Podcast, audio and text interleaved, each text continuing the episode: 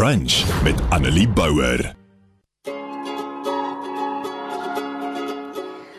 So ons het so rukkie terug, ek dink dit was verlede week gepraat oor die vrug van die gees en uh, dat dit eintlik die vrug van die gees is en nie vrugte nie, want jy kan nie die een sonder die ander nie en dat liefde 'n mens help om al hierdie te hê. En ons gesels gereeld oor liefde. Ons praat baie oor ons moet ons naaste lief hê, ons moet ander mense lief hê, ons moet lief hê soos wat Jesus en God ons liefhet en dat dit nie altyd 'n maklike ding is nie, want liefde beteken as jy 1 Korintiërs 13 gaan lees uh, is dit nie net die liefde tussen 'n man en vrou nie. 1 Korintiërs 13 gaan juis oor wat liefde is vir jou naaste, vir jou familie, vir jou vriende, vir jou vyande. En dit sê daar dan dat liefde geduldig is, dat liefde nie kwaad met kwaad vergeld nie. En jy kan daai hele stuk gaan lees.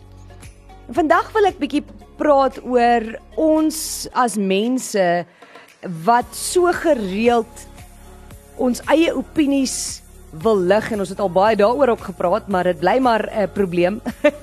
en dat ons so fokus om die argument te wen want ek is reg dat ons nie noodwendig kyk na die skade wat dit aanrig nie. Dat ons nie noodwendig kyk na of dit is wat God van ons verwag nie.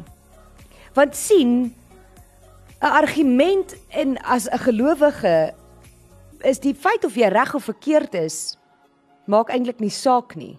Want wat eintlik saak maak is gaan dit wat jy nou sê of skryf of tik iemand nader aan God bring of nie.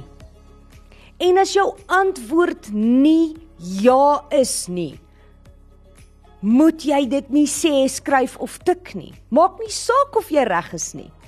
Want sien, ons as gelowiges moet 'n voorbeeld wees en ons as gelowiges moet God se liefde en genade en vrede met mense deel. Ons moet die voorbeeld wees van daai liefde, daai onvoorwaardelike liefde en ons moet mense nader aan God bring.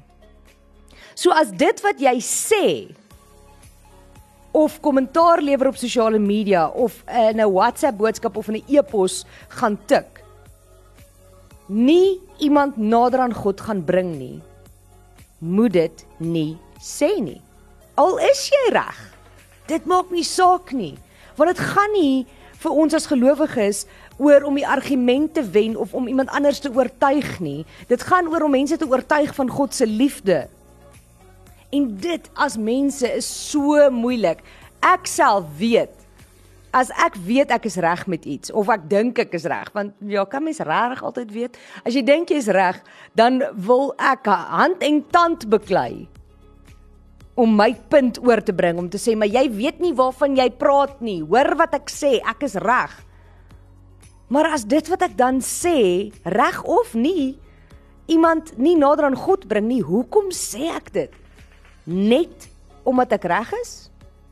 Net om my e eie ego te streel, net om myself te laat beter voel, net om die argumente wen? Want dan doen ek dit vir die verkeerde redes. Want dan is dit wanneer 'n mens oordeel, dan is dit wanneer mens ander mense seermaak. Dan is dit wanneer ons nie noodwendig God se liefde uitbeeld nie. Nou kyk na Jakobus 1 vers 5 en dit is vir my so mooi. Ek gaan hom in 3 verskillende vertalings vir jou lees, laat hy mooi sin maak. Jakobus 1 vers 5 volgens die 1983 vertaling sê: As een van julle wysheid kort kom, moet hy dit van God bid en hy sal dit aan hom gee, want God gee aan almal sonder voorbehoud en hoor mooi sonder verwyte. Dan sê die boodskap se vertaling: As jy egter in 'n situasie kom waar jy twyfel oor wat die regte ding is om te doen, gaan vra vir God. Hy sal nie snaaks van julle dink of julle verwyd omdat julle onseker is oor hoe om vir hom te leef nie. Hy sal julle eerder help met alles wat julle nodig het. Gaan vra, hy sal gee. En die nuwe lewende vertaling sê Vra vir God as dit nie vir jou duidelik is wat hy wil hê jy moet doen nie. Hy sal jou eenvoudig daardie wysheid gee en jou nie verwyd dat jy dit gevra het nie. Die spreekwoord sê vra is vry, né? So voordat jy dinge sê, reg of nie, voordat jy in 'n argument en 'n stryery betrokke raak of dit oor geloof gaan of oor enigiets anders, voordat jy kommentaar lewer op Facebook of op WhatsApp goed tik, vra vir God om vir jou wysheid te gee. Vra vir God om vir jou te wys wat hy van jou wil hê, hoe om vir hom te leef. Hy gaan jou nie verwyd nie, inteendeel, hy gaan jou help. Hy gaan vir jou daai wysheid gee. En so kan jy weet dat dit wat jy sê en doen mense nader aan God bring. So gaan jy weet selfs al is jy reg, al weet jy jy's reg wanneer om stil te bly. Want partykeer moet 'n mens stil bly.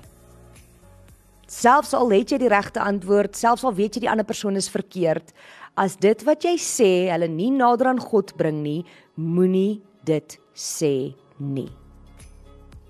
Dit kom amper neer op die Afrikaanse ding wat ons ouers vir ons leer van as jy niks moois het om te sê nie, bly liewer stil. Maar selfs al is dit wat jy sê reg, gaan ek dit weer sê, vra vir God vir wysheid en leiding van hoe hy wil hê jy dit moet hanteer, hoe om vir hom te leef, hoe om sy liefde vir daardie persoon of persone te wys, hoe om hulle nader aan hom te bring voordat jy die verkeerde goed sê of voordat jy die regte goed sê, maar mense net verder van God afdryf of hulle seermaak. En as mense is dit baie moeilik. Dis vir my baie moeilik om te weet wanneer om stil te bly. As ek weet ek's reg, wil ek nie stil bly nie. Wil ek nie eers dit altyd mooi sê nie. Gaan jy iets sê net om die argument of die geveg te wen? Gaan jy iets sê omdat jy nie hou van wat iemand anders sê nie net om hulle seer te maak? Dis nie wat God van ons verwag nie. Ek gaan weer Jakobus 1 vers 5 lees wat sê vra vir God as dit nie vir jou duidelik is wat hy wil hê jy moet doen nie. Hy sal jou eenvoudig daardie wysheid gee en jou nie verwyd dat jy gevra het nie. Vra. Moenie bang wees om vir God te vra om jou die leiding te gee of die antwoord te gee of die wysheid te gee nie. Vra is vry, né? Onthou dit. Annelie Bouwer. Weekoggend tussen 9 en 12 op Groot FM 90.5.